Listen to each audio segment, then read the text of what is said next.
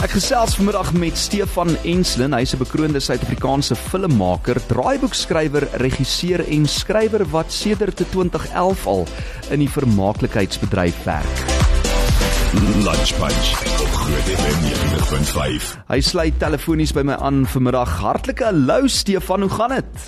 Goed en jy François? Goed man, baie dankie vir jou tyd vandag. Uh, ek sien regtig uit na hierdie gesprek want uh, ek weet jy's 'n baie veelsidige storieverteller. Ek meen jy het 'n indrukwekkende lys van suksesvolle rolprente op jou kerfstok en daai lys is hier voor my. Veral bekend miskien vir flieks so Strikdas, Nul is nie niks nie, Liewe Kersfees Vader en 'n uh, Klein Karoo, maar ek wil begin deur vir jou te vra Hoe op aarde het jy in die filmbedryf uh, beland? Dit klink nogal na 'n inter interessante storie. Jong François, ja, dit is 'n interessante storie. Ek het na skool eers 'n lang pad om dit gevat. Uh eers teologie studeer en toe argitektuur en toe uiteindelik stad en streeksbeplanning wat ek toe nou voltooi het. Toe's ek Engeland toe nadat ek eers uh gedink het ek gaan my lyf bietjie onderwyser probeer hou. Hmm. Ehm um, en ja, in Engeland het ek daar as 'n stadsbeplanner gewerk, maar die droom was altyd om films te maak.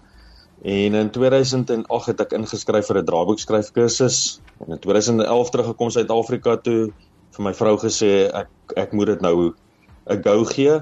Weet ek wil nie ek wil nie eendag stok oud wees en dan wonder ek as ek daai sprong gevat het van uh stads- en streekbeplanning na filmmaker toe weet wat sou gebeur het nie? Ek wou op 'n plek gewees het waar ek dit probeer het en dan ten minste kan ek sê ek het dit gedoen dit het gewerk of dit het nie gewerk nie maar ek het dit ten minste probeer en ek is baie dankbaar vir die Here dat dit tog uiteindelik uitgewerk het Ongelooflik. En ek sien jou dokumentêr War Dogs and I wat die aangrypende verhaal van Kobus Olivier vertel wat geweier het om sy vier honde agter te laat toe die oorlog in Oekraïne uitgebreek het, is genomineer vir die beste dokumentêre vollengte speelfilm, uh, terwyl die inspirerende Against All Odds uh, die Alwyn Eys storie genomineer is vir die beste kinematografie dokumentêre vollengte ja. speelfilm. Dit was nou by vanjaar se Saftas, nê? Nee? Ja, dit was gewees. Ek is baie baie trots op daai twee films. Jy weet ek die ding is vir my gaan dit nie regtig om die toekennings mm. ehm um, te wen nie. Ek maak regtig films omdat ek 'n boodskap het om te vertel, omdat ek die wêreld 'n beter plek probeer maak deur die films en die stories, jy weet en ehm um, maar dit is tog 'n pleintjie se mens erkenning daarvoor ontvang. Ons het nou ongelukkig nie die toekennings gewen nie, maar ja, ek meen net die blote feit dat ons genomineer is daarvoor is al reeds baie gesog geweest. Dis ongelooflik. En hoe was die Saftas? Was jy by die geleentheid gewees? Ja, ek was daar gewees. Kyk, dit is dit was nou die eerste jaar wat ek daar was. Uh en dit is dit is 'n belewenis geweest, jy weet jy skierskouers met Suid-Afrika se bestes daarso en uh van die mense ontmoet jy nou vir die eerste keer in persoon ook. So dit is 'n dis 'n regtige belewenis geweest. Dit was baie lekker geweest. En ehm um, ja, soos ek jou sê, jy weet dit is veral as as mense nou sien War Dogs en I toe het die naam nou daar opgekom het ook vir beste vollengte dokumentêr. Hmm. Toe vat dit my net weer terug na daai tyd toe ons die dokumentêr vervaardig het, jy weet en Kobus en sy 400 gevlug het uit Oekraïne uit in 'n motor en ek nie metlik kon uh kommunikeer nie, jy weet dit was letterlik 'n geval gewees van wanneer hulle op 'n veilige plek aangekom het en daar ehm um, sein was, dan sou hy my 'n vinnige update gegee het van weet hoe dit gaan, maar weet tussen tyd moet jy maar die hele tyd gewonder het en gebid het en gehoop het hulle bly net veilig. Jo. Hoorie, dis ongelooflik dat jy hierdie stories vertel en dankie dat jy doen uh, vir die regte redes. Uh, ek het gehoor op 'n stadium met Leon van hier op die bekende resensent ook gesê, jy weet, Stefan Enslin is heeltemal te goed vir die bedryf. Hy's hy's heeltemal te vriendelik en te nederig en jy doen dit vir al die regte redes en dis regtig inspirerend om te hoor.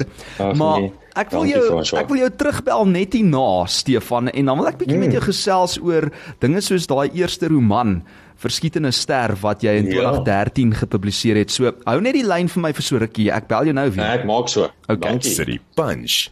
Terug aan jou lunch. Weksdae 12 tot 3 op Groot FM 90.5. Dis die lunch punch op 'n Dinsdagmiddag.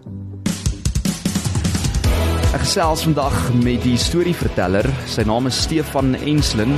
Ons praat bietjie oor sy loopbaan hoogtepunte. Ons leer hom bietjie beter ken vanmiddag en daar is heelwat hoor.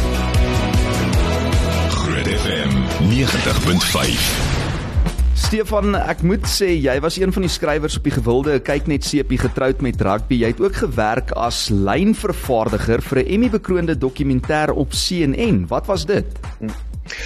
Dit is 'n dokumentêr met die naam van The Lost Son.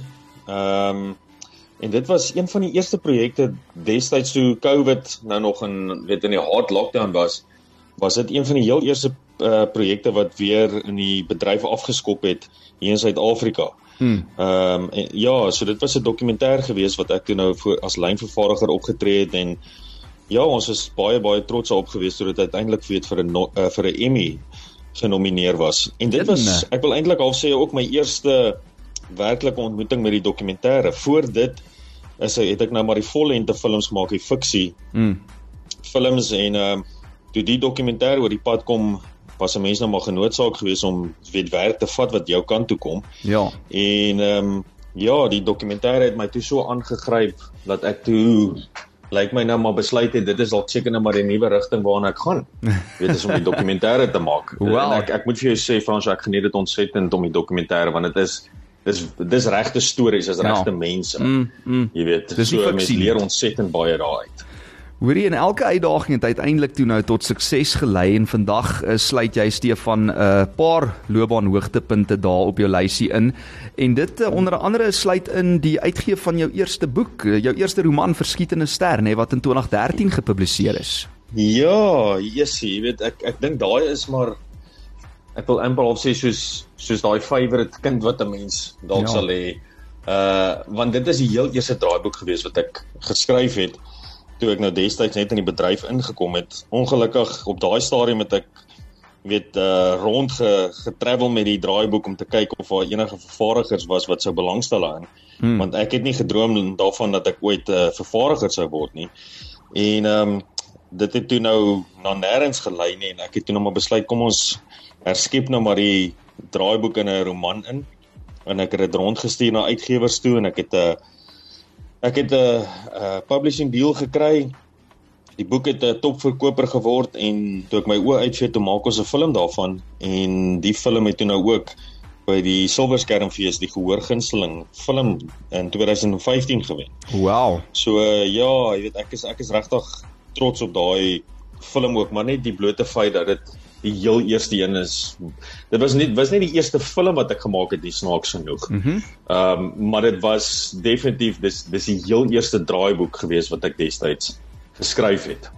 En daai rolprent weergawe wat uh, in 2015 toe nou gevolg het nadat die roman in 2013 gepubliseer is, maar jou tweede roman Tweede Kanse is toe in 2018 gepubliseer En uh, ek sien jy werk ook tans aan 'n nuwe boek wat gebaseer is op uh, op soek na reënboë saam met die gewilde plaaslike skrywer Marita Martins. Ja, so ek het die op soek na reënboë is 'n is het ek het ek 'n bietjie aangewerk en toe het ons 'n um, kyk net storiefilm daarvan gemaak. Ehm um, maar voor dit het ek al reeds aan die aan die roman begin skryf en nadat ons toe nou die film gemaak het, toe het een van die een van die drome is want ek ken nou vir vir Tannie Marita Martins nou al vir 'n hele weet 'n hele paar jaar. Ja. En dit was een van die drome gewees om te kyk of ek nie dalk eendag saam met haar 'n projek kan aanpak nie. En ek het haar gekontak en gesê ek het nou die film weergawe hier van van gemaak. Ek het die roman klaar geskryf, maar ek is so naby aan die storie en die karakters. Ek het bietjie 'n 'n buitestander nodig. Mm. Ehm um, weet wat net kan inkom en bietjie die karakter se wêreld nog verder kan kom skud.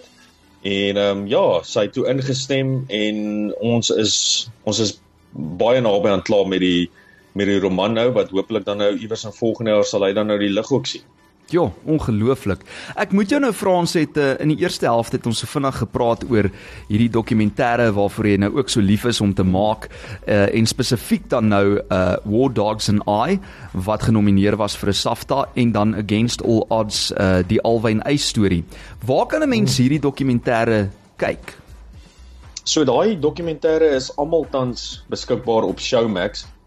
Sover ek verstaan is um, War Dogs and I nog op DStv Catch-up ook te sien. Mhm. Mm so jy weet jy gaan en dit dit geld vir al die ander films ook. Die weet jy dis so striktas en verskietende ster en Liewe Kersfeesvader en daai is hulle is ook almal op Showmax beskikbaar. Ehm um, so ja, die mense kan gerus daar gaan kyk en asseblief ek sal like om te hoor wat hulle daarvan dink as hulle dit klaar gekyk het. Ja, en hulle sien niks nie is ook op daai lys. Ons mag nie dit vergeet nie, nê? Nee. Ja, hulle sien niks nie natuurlik deur die gewilde skrywer uh, Jaco Jacobs of dit is gebaseer op op op een van sy boeke gewees. Daai film het um, baie mense se harte aangeraak.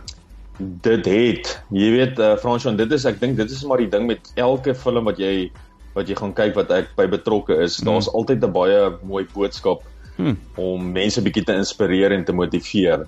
Wow. Uh jy weet ek ek dink ek sit in die in die bevoordeelde posisie om in die vermaaklikheidswêreld te werk waar ons met prentjies uh die wêreld kan verander. Hmm. En dit is 'n stem wat ons het. So ek gebruik daai stem wat ek het om regtig van my kant af te probeer om die wêreld 'n lekkerder plek en 'n beter plek vir mense te maak. Ja, hulle sê mos teater en film is is soos daai spieël wat jy ophou vir die wêreld sodat ons self mm. ons onsself kan raak sien om te gaan, o, okay, dis eintlik wat hier aangaan want want baie keer het mens daai perspektief nodig.